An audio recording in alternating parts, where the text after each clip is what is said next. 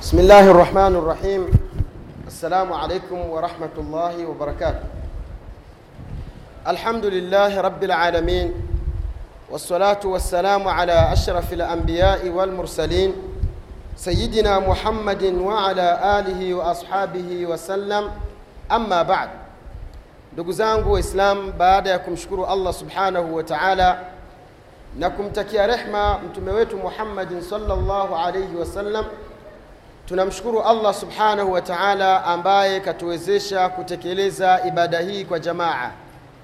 Ni neema ambayo mwenyezi mungu katupa na ni wajibu kwetu sisi tumshukuru mwenyezi mungu kwa sababu wapo watu wengi sana ambao hawakuwezeshwa kutekeleza ibada hii kwa jamaa. Na mtume salllahu alaihi wasallam amezungumza ubora wa mtu kuswali salatu ljamaa akasema mtume sallallahu alayhi wasallam assalatu ljamaa tafdhulu ala salatu lfadh bisabin wa ishirina daraja wa fi riwaya bi wa ishirina daraja. Kwamba swala ya jamaa ni bora kulikoni swala ya mtu, ya, ya mtu mmoja kwa daraja 27 katika upokezi mwingine kwa daraja 25 sasa tukiwa katika mwezi mtukufu wa ramadhani ndugu zangu na mwenyezi mungu akatuwezesha kuswali salatu jamaa, basi ule ubora wa 27 pia unaongezwa. Na unapoongezwa unakuwa tayari umejipatia malipo mengi na mengi na mengi na zaidi. Kwa hiyo tumwombe mwenyezi mungu subhanahu wa taala kwa utukufu wake na kwa cheo chake na kwa ukarimu wake atuandikie swala hii kuwa ni sababu ya kusamehewa madhambi yetu. Mwenyezi mungu aipokee somo yetu ndugu zangu katika imani, tukiendelea na darasa letu ambalo tumelianza kuhusiana na adabu za dua. Tulizungumza miongoni mwa mambo ambayo tuliyozungumza jana ni kwamba miongoni mwa adabu za dua ni mtu kuanza na kumsifu mwenyezi mungu subhanahu wa taala na kumtukuza mwenyezi mungu subhanahu wa taala na kumswalia mtume sallallahu alaihi wasallam kisha unamwomba allah subhanahu wa taala. Lakini leo insha allah miongoni mwa mambo ambayo tutakayoyazungumza ikiwa ni miongoni mwa adabu za kuomba za kuomba dua. Ni jambo lingine ni kwamba mtu asiombe ubaya katika dua yake. Bimaana utakapokuwa unamwomba mwenyezi mungu subhanahu wa taala basi usikusudie kwamba mwenyezi mungu akupe jambo ambalo litakupa dhambi. Mfano labda pengine una una matatizo labda hauna pesa kisha ukamwomba mwenyezi mungu akupe kwa njia yoyote ile bora kwamba wewe umepata pesa. Mwenyezi mungu naomba unipe pesa hata kama ni kwa wizi. Usimwombe mwenyezi mungu akakupa mtihani wa kukupa pesa kwa njia ya haramu. Kwa sababu siku ya kiama miongoni mwa vitu vitakavyoulizwa ni kwamba yule mwenye pesa ataulizwa pesa zake. Amezipata vipi na amezitumia vipi sasa wewe kama pesa zako umezipata kwa njia ya haramu utaulizwa kwamba tueleze hiyo njia ambayo umezipata pesa hizo. Na kisha matumizi yake umeyatumia vipi? Kwa hiyo katika adabu za dua unatakiwa ukiomba basi uombe upewe kile kitu cha halali. Kitu ambacho kukipata kile kitu itakuwa ni moja miongoni mwa kupata thawabu kwa mwenyezi mungu. Kwamba kama utatafuta kwa njia ya halali na kisha ukapata riziki yako kwa njia ya halali basi ni moja katika ibada ndugu zangu kwa hiyo utakapoomba usiombe jambo ambalo utapata dhambi kwa kulitekeleza. Kuna watu pengine wana wana tabia zile za za uzinifu.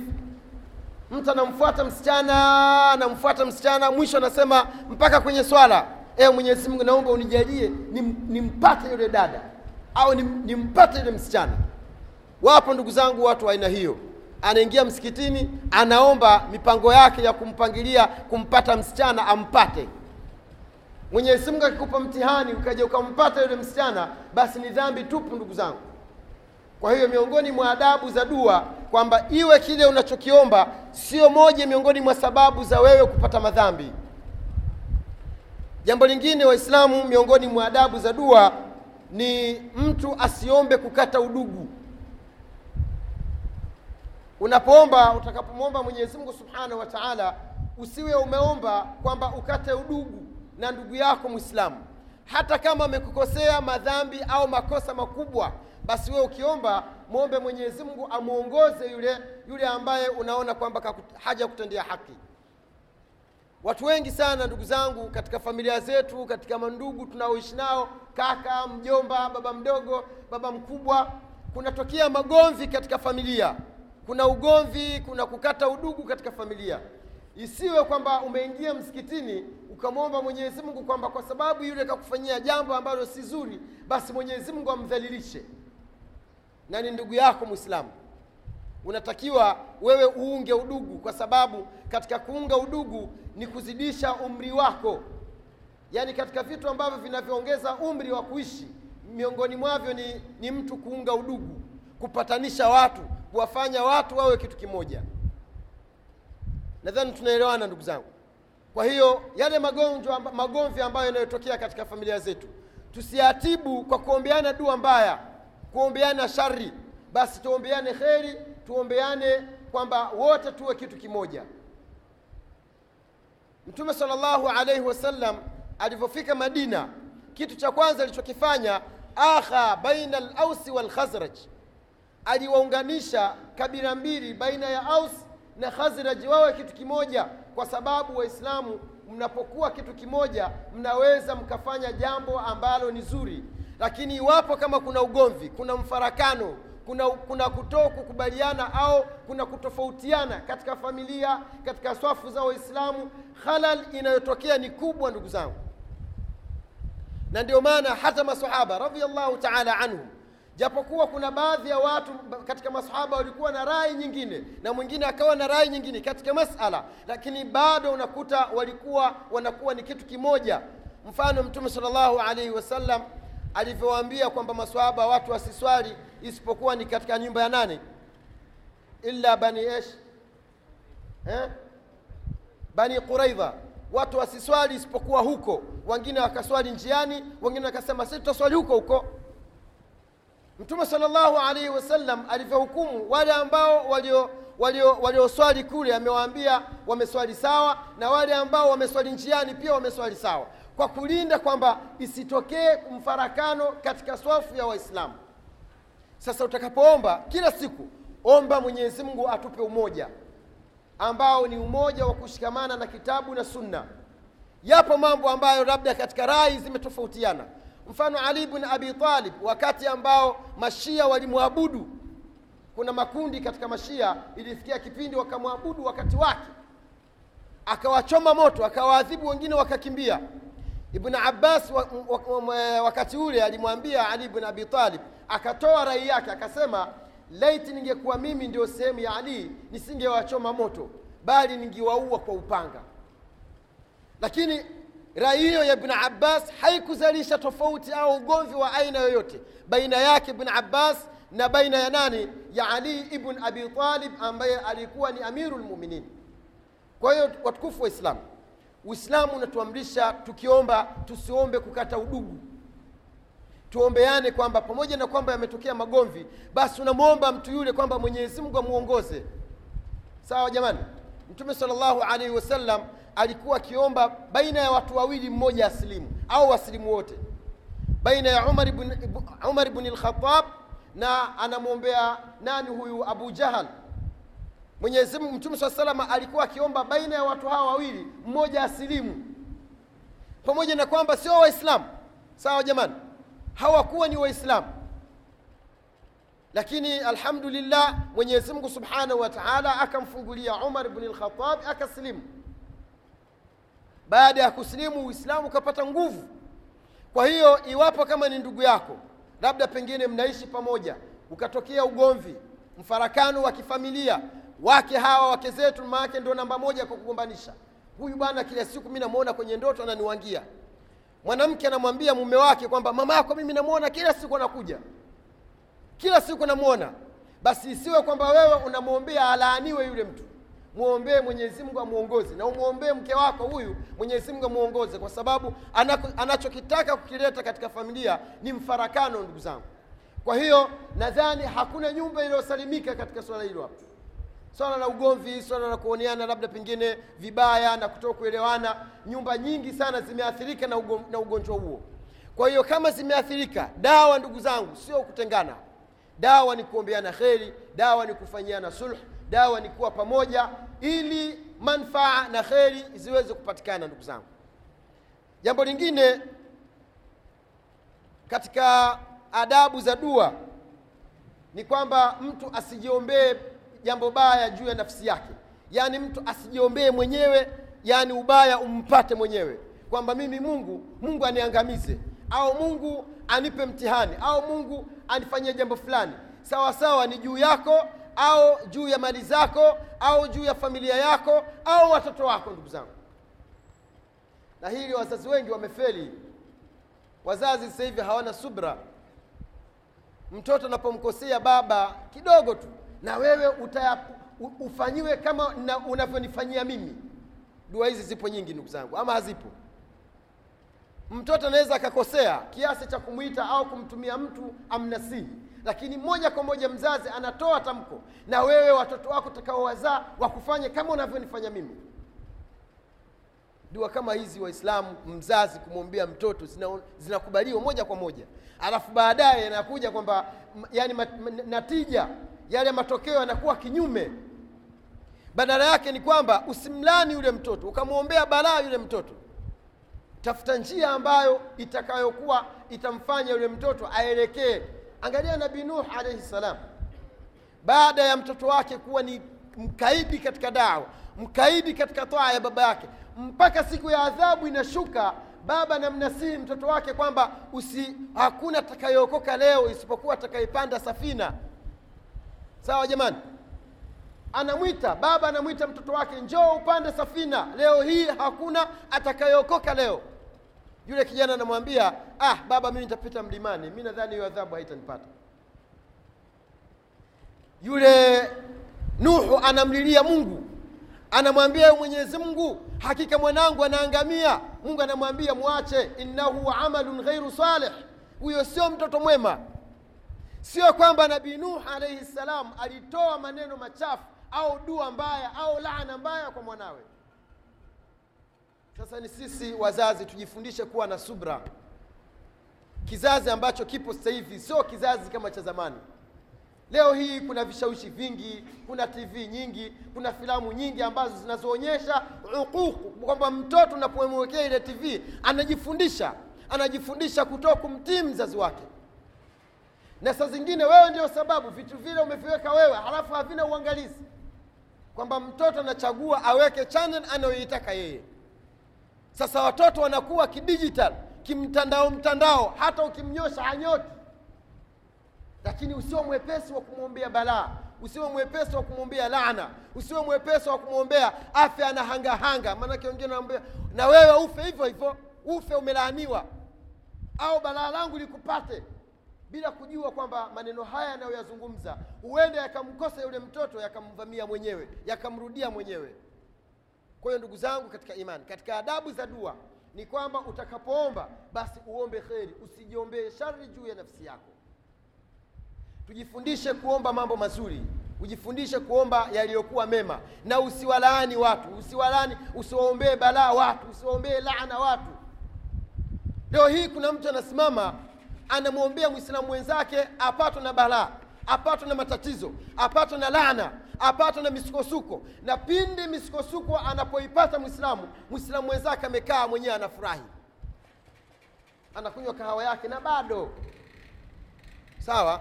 Anasema hivyo hivyo na bado na mungu ingekuwa anasikia basi angefanya hivi au angefanywa hivi amga. yani ni katika yani tuko katika mazingira ambayo sio ya kupendeana kheri. Ndugu zangu katika imani miongoni mwa mazingira ambayo tunayo ambayo sio ya kupendeana kheri yaani unaweza ukashangaa. Inafikia kipindi mtu anakupa tende ufuturu. Bwana chukua hii tende. Yule bwana anachukua ile tende anaweka mfukoni akienda kutawadha anaitupilia mbali. Kwa nini thawabu hizo zipate yeye? Jamani yapo ama hayapo? Sisi tuna madarasa tunashtakiwa ustadhi sasa mimi nimempa tende lakini nilivyomwona hakuile ile tende kaitupa. Kwamba kwa nini yule apate thawabu za kufunga haya kwani wewe ukijifutulisha mwenyewe? Ukijifutulisha mwenyewe. Thawabu zile za kufutulisha unazipata? Mtume anasema man aftara saima mwenye kumfutulisha aliyefunga. Sasa waonaje yeye akupe na wewe umpe ili mgawane zile thawabu? Lakini mtu kwa ile hali ambayo tunayo sasa hivi ya kutoka kupendeana kheri mtu anachukua ile tenda anaangalia huku na huku na huku na haya anaitupilia mbali. Tukose wote yaani ni, ni, ni, ni ugonjwa ndugu zangu ambao uko katika nafsi zetu. Na tusidhani atakuja mtume kuja kuuondoa ni sisi wenyewe kwamba haya tunayoyasoma haya tunayosikiliza mashekhe wetu wanavyotuambia tuyatekeleze ndugu zangu. Kuombea balaa kuombeana lana mtu inafikia mpaka na, na mke wake pia anamwombea vibaya. Mama yake badala ya kumwombea dua huyu mama naye amezidi. Bora afe ni mimi nipumzike. Wapo wanaofikia kiasi hicho. Kuna watu mpaka sasa hivi yeye anafuturu vizuri mashallah chakula milo tofauti tofauti. Mama yake wala hamjui wala hamfahamu. Mama yake anafuturu mihogo haina hata mafuta. Yani mboga ni ni kama ni nini mkahuzu. Basi yeye huko anapiga kuku anapiga nyama anapiga. Hatupendeani kheri. Tabia na, na, na tabia ambazo mtume sallallahu alaihi wasallam akaja akatufundisha kwamba wewe usilale na njaa usilale umeshiba jirani yako akalala na njaa. Hatuna ile ziara tafakudia kwamba umtembelee ndugu yako umwone ana hali gani. Hakuna. Tumefunga mageti tumefunga mageti basi. Kila mmoja my life my wife my family. Sasa isije ikawa kwamba tunaombeana heri tunaombeana shari ndugu zangu. Tuombeane mazuri. Ukiomba miongoni mwa adabu za dua muombeane kheri. Angalia mtume sala llahu alehi wa sallam anasema yoyote mwenye kumwombea dua nzuri ndugu yake fi dhahari lghaib yani bila yule anayeombewa kujua au kufahamu basi malaika wanasema amin wanaitikia kwamba ewe mwenyezi mungu pokea dua. Baada ya kuitikia kisha wanasema hivi walaka mithlu kwamba na wewe uliyemwombea dua ndugu yako dua nzuri basi na wewe una mfano wa dua ile ile. Hebu sawili kwamba malaika anakuombea dua wewe kwa mungu malaika ambaye hamwasi mwenyezi mungu yeye kaumbwa kwa ajili ya taa. Kisha anakuombea dua kwamba vile ulivyomwombea ndugu yako basi na wewe pia upate mfano wake. Jamani kuna ujira na malipo yanayoshinda hayo. Kwa hiyo ndugu zangu katika iman miongoni mwa adabu za dua ni kutoa kuwaombea ndugu na jamaa dua mbaya. Dua ambayo yenye kuangamiza dua kwamba ndugu yako apatwe na shari na njaa izidi kumuua azidi kufa na ombaomba. Kuna kuna mzazi anam, anam, anamtukana au anam, anamwombea dua, dua ya shari mtoto wake. Na ufe unaombaomba hivyo hivyo. Ufe unatangatanga hivyo hivyo. Dua hizi zinajibiwa ndugu zangu. Kwa hiyo tujitahadhari tujitahadhari ndugu zangu tukiomba basi na ndugu zetu tuwaombee. Angalia mwenyezi mungu anavyotufundisha namna ya kuombea ndugu zetu. Rabbana ghfir lana walikhwanina alladhina sabaquna biliman wala tajal fi qulubina ghillan lilladhina amanu. Sawa jamani? Mwenyezi mungu anatufundisha tuwaombee ndugu zetu. Ewe mwenyezi mungu tufutie madhambi sisi na ndugu zetu ambao waliotangulia hii ni aya ya qurani. Mwenyezi mungu anakuja kutupa sigha kwamba njia na namna tukavyoombea ndugu zetu. Kwa hiyo unavyomwombea ndugu yako ukamwombea kheri ukaombea apate na jambo zuri apate manfaa basi na wewe malaika wanakuombea dua kwamba vile alivyopata na wewe upate mfano wake. Pia ndugu zangu miongoni mwa adabu za kumwomba mwenyezi mungu subhanahu wa taala uh, altadharuu walkhushuu walraghba walrahba kwamba ndani ya dua kunatakiwa kupatikana vitu vinne. Kitu cha kwanza ni atadharu yule mtu anyenyekee au ajidhalilishe kwa mwenyezi mungu subhanahu wa taala. Baada ya kuonyesha ule udhalili wake awe na unyenyekevu. Baada ya unyenyekevu awe anaogopa ana awe ana, anafurahia au anatarajia kwa mwenyezi mungu kupata kheri anayoitaka. Lakini pia ndani ya nafsi yake ajengee hofu ya kuogopa adhabu za allah subhanahu wa taala. Sawa jamani? Usiombe tu kwamba haujavuta kwamba zile hisia kwamba unaimwomba ni mwenyezi mungu na anakuona atakujibu atakupa kile unachokitaka lakini ujue kwamba mungu ana adhabu anaadhibu lakini pia ufahamu kwamba waja wema mwenyezi mungu atawaingiza peponi sasa vitu hivi katika dua vinatakiwa viwepo. Na hii ndio ihsan. An llaha kaannaka tarahu. Fain lam takun tarahu fainnahu yaraka. Kwamba mwabudu mwenyezi mungu. Adduau huwa libada dua ndugu zangu unaponyanyua mikono unamwomba mwenyezi mungu ndio ibada yenyewe ndugu zangu. Sasa utakapomwomba mwenyezi mungu ujue unaimwomba na kuona.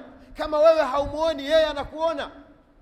Hisi kwamba mwenyezi mungu yuko hapo mbele yako leo hii akija kikwete halafu wewe unaenda ku, kum, kum, kum, kumtwanga shida yako au kumwambia shida yako bila shaka utaenda na heshima na taadhima kwamba unaikwenda ni mheshimiwa rais yuko pale ana wanajeshi ana walinzi ana mabodyguard ana kila kitu. Kwa hiyo utakavyokwenda hata kutembea ut, yani unatamani mpaka viatu visipige kelele. Je itakuwaje kumwomba mwenyezi mungu ambaye kaumba mbingu akaumba ardhi ni mfalme wa kila kitu. Anaadhibu anawa, anawapa zawadi watu waislamu anawaingiza peponi mwenyezi mungu subhanahu wa taala. Itakuwaje kwamba wewe ndio unaimwomba yeye sasa? Ukihisi hivyo ni moja katika vitu vitakavyokufanya wewe uweze kujibiwa dua yako. Ndugu zangu katika iman miongoni mwa adabu za dua raddu lmadhalim kwamba vile vitu ambavyo umevichukua ni vya dhulma uvirudishe. Usiwe umeenda kuiba au umedhulumu alafu unakimbilia msikitini unamumba mungu. Au ume, ume, ume, umevamia duka ukavunja ukachukua nguo zingine ndo umekuja nazo hapo unaswali nazo. Allahu akbar wamwomba mungu. Umekula haramu ukavaa haramu unakaa haramu kodi ya mwenye nyumba hulipi tena sio ulipi kwamba hulipi kwa ujeuri kabisa. Kwani atanifanya nini? Mwezi wa kwanza ulipi mwezi wa pili ulipi mwezi wa tatu ulipi mwezi wa nne. Na wala hauna nia ya kulipa. Unakaa sehemu ambayo sio halali ukae. Utajibiwa vipi? Mtume sala llahu alehi wasalama alimtaja mtu ambaye anarefusha safari yake. Baada ya kurefusha safari yake nywele zake timtimu nguo zake zina vumbi mona alafu yule bwana ana shida. Yamuddu yadahu ila sama. Ananyosha mikono yake mbinguni. Anamwomba mwenyezi mungu ampe matatizo amtatulie matatizo aliyokuwa nayo. Amlishe kutokana na njaa aliyokuwa nayo. Ampe riziki mbalimbali. Lakini wa haramu haram. Na chakula chake ni haramu wamalbasuhu haram.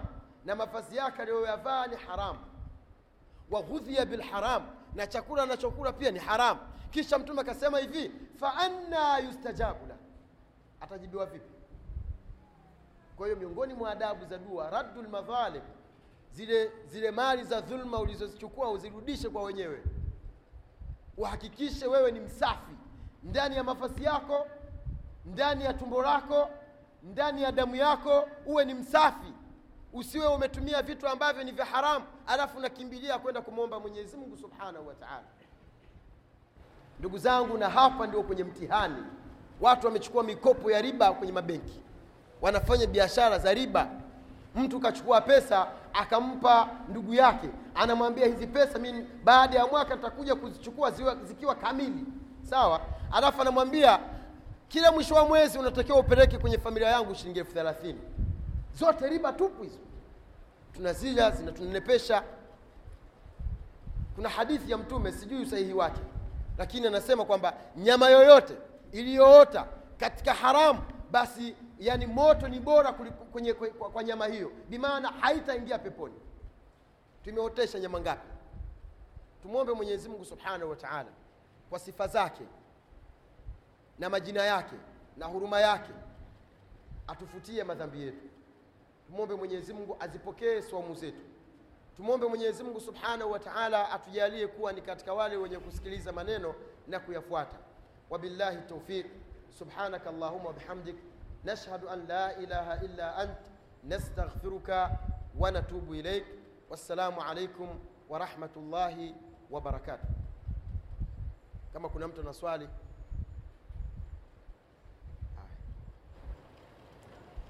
Naam amna nen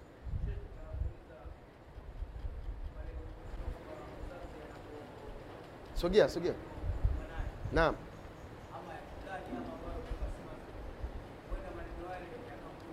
Eh. Aha, Sheikh anasema kuna kipengele tumesema kwamba unapowalani lani viumbe watoto wako unawalani, pengine zile lana zinakwenda zinamkosa yule kijana, zinakurudia mwenyewe, kurudia mwenyewe kwamba yani lile balaa ambalo lingempata yule mtoto analipata yule mama. Pengine maskini ya Mungu yule mtoto anahitajika, ana, hajui, anatakiwa elimishwe, na wewe umetoa laana, ikienda kule namwangalia mtoto hana, hujamfundisha hajui haki ya mzazi, hajui haki ya mama, haki ya baba, natakiwa elimishwe. Na lile kosa kwamba tatizo kubwa ni wewe mzazi. Sasa ikienda, Mwenyezi Mungu hamdhulumu mja wake bwana, ikirudi na kurudia wewe kama mzazi, kwamba ule mzigo wa madhambi unaupata wewe.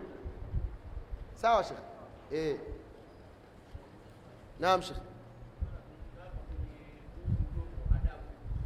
Naam. Naam.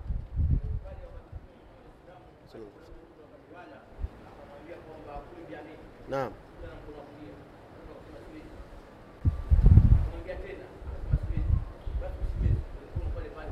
Uka uka ukapata nani? na. Aha. Naam. Nini? Na na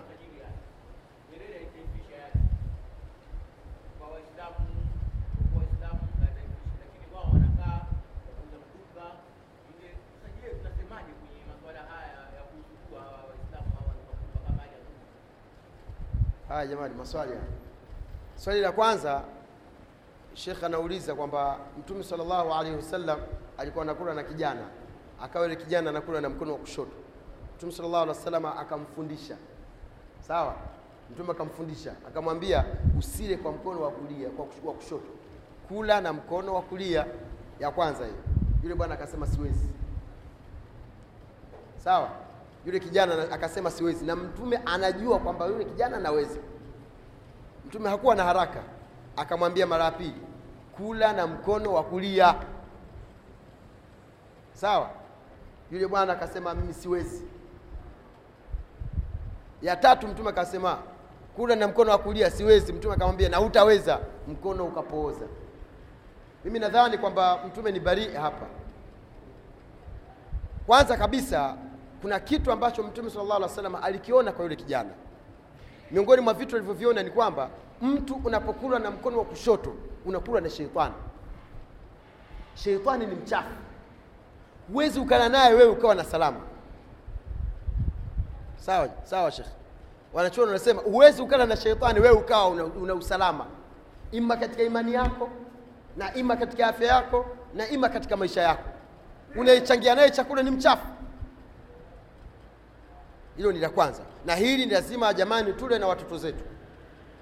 Tuna, kuna watoto mpaka sasa hivi hawezi kula na mkono wa kulia, akinywa chai anakunywa chai na mkono wa kushoto. Sawa. Kwa hiyo ile ni fundisho kwetu kwamba tunayekula naye ni mchafu na ana laana na ni adui wa Mwenyezi Mungu. Hilo ni la kwanza. Jambo la pili kinachoonyesha kwamba yule bwana alikuwa ana mtihani ni kwamba yule kijana kapata mpaka ujeuri wa kumjibu mtume mara mbili, siwezi. Sawa jamani, ujeuri wa kumjibu mtume kwamba sio kwamba eti sio, ule ni ujeuri, kwa sababu mara ya kwanza siwezi, mara ya pili siwezi, mara ya tatu siwezi. Mtume afanyeje? Hautaweza. Na mzazi kwa hatua hiyo, kama umemwelimisha ja kwanza, mimi sitaki kundi lile la wafuta bangi wala mirungi wala nini, sitaki uwe nao, sawa. Yule, yule mtoto wako anaenda kule. Ya pili, jamani, mimi nakwambia hivi, sitaki lile kundi la wale wala mirungi na wavuta bangi uwe nalo, sawa. Sitaki. Yule kijana bado anaendelea. Mara ya tatu, una haki ya kufanya chochote, huna wewe, ni barii katika hilo. Kwanza umefikisha ilmu, ukatoa tahadhari, ukamwelimisha kwamba kitu kile wewe ukitaki. Hivyo ndivyo alivyofanya Mtume salllahu alaihi wasallam. Sawa, shekhi wangu. Kwa hiyo ndugu zangu, mimi swali hili ni swala zuri sana, zuri tujifundishe. Kuna watu wao wakifika ndani wanajifungia ndani, watoto wanakula kivyao na masahani yao, na baba na mama ndani anakula, baba na mama wanakula juu ya kitanda, sawa na night dress au zile nguo za good night, sawa Waislamu, sawa nguo za good night, sawa chakula kile, sawa cha saa nane saa tisa. Hakuna tatizo. Lakini ile wajba wajbatul asha wajbatul ghada chakula cha mchana chakula cha usiku jitahidi ule kwanza na familia yako. Hata kama uguseguse halafu hiyo good night yako itakuwa ni baadaye. Ili wafundishe wale watoto namna ya kula vizuri. Mtume sallallahu alaihi wasallam alikuwa sio sio huyu tu. Kuna hadithi nyingine kwamba mkono ulikuwa unazunguka kwenye sahani mtume sallallahu alaihi wasallam akamfundisha akamwambia ya ghulam samillah mtaje mwenyezi mungu wakati wa kula. Wakul biyaminika na ule kwa mkono wako wa kulia. Wakul mimma yalika na ule mbele yako. Huyu kama angefanya ujeuri mtume tayari ashafikisha. Alikuwa anastahiki kuombewa vibaya kwa sababu sio kwamba hawezi uwezo huu anao. Lakini kafanya ujeuri wa kutoa kumtii mtume sallallahu alaihi wasallam. Na taha ya mtume sio kwa wakubwa tu sawa Sheikh, hilo ni swali la kwanza. Swali la pili ni wale ambao wanaishi kwenye nyumba ambazo zimetaifi- zimetaifishwa na nyerere au na serikali. Wenye haki walikuwepo walinunua kwa njia sawa wakatolewa kwa dhulma. Je kuishi katika zile nyumba ni vipi? Wanaishi katika haramu Sheikh, swali hilo ni gumu Sheikh, takiwa tulifuatilie tuulize mashekhe swali gumu kweli. Wenye nyumba walinunua vizuri tu. Baada ya kununua wakajenga ikaja serikali bila kulipwa gharama wala chochote. Na wala sio kwamba wale wamejenga njiani au barabarani. Tokeni kwenye nyumba. Watu wakatolewa. Walivyotolewa serikali kakaa sio kwamba ile serikali pia imeitumia labda ni ofisi zani ah, watu wanakaa tena. Kama wale wale waliokuwa wanaishi mwanzo. Tatizo la wale na hawa ni nini? Sawa jamani. Kuna ile kwamba serikali inahitaji nyumba hii. Kwa kuwa serikali inahitaji nyumba hii nyumba hii imejengwa kihalali na mwenye nyumba yupo na hata ziko rudisha gharama zake au watafutie sehemu nyingine wakae alafu wewe nyumba hii uitumie tena uitumie katika shughuli za kiserikali. Sio ulete watu pengine ni kutoka wapi waje wakae kama walivyokuwa na kawa mwanzo. Hii ni dhulma ya wazi jamani. Lakini ku- fatwa yake au hukumu yake nimempa muda shekhe nitamuuliza tauliza mashekhe. Sawa shekhe? Eh sio aibu na ndio ilmu. Sio kuzungumza kitu una uhakika utazungumza nini? Asante shekhe. Shukrani. Jazakallahu khairan. Nadhani mpaka hapa tu tumalize darasa letu. Kesho inshallah tutazungumzia sehemu nyeti za kuomba. Adabu ziko nyingi lakini kesho inshallah ili muda usiende na ramadhani nayo inakwenda tuzungumzie ni sehemu gani ambazo ni mawatinul istijaba. Yaani kwamba mja akiomba moja kwa moja mungu anajibu dua yake.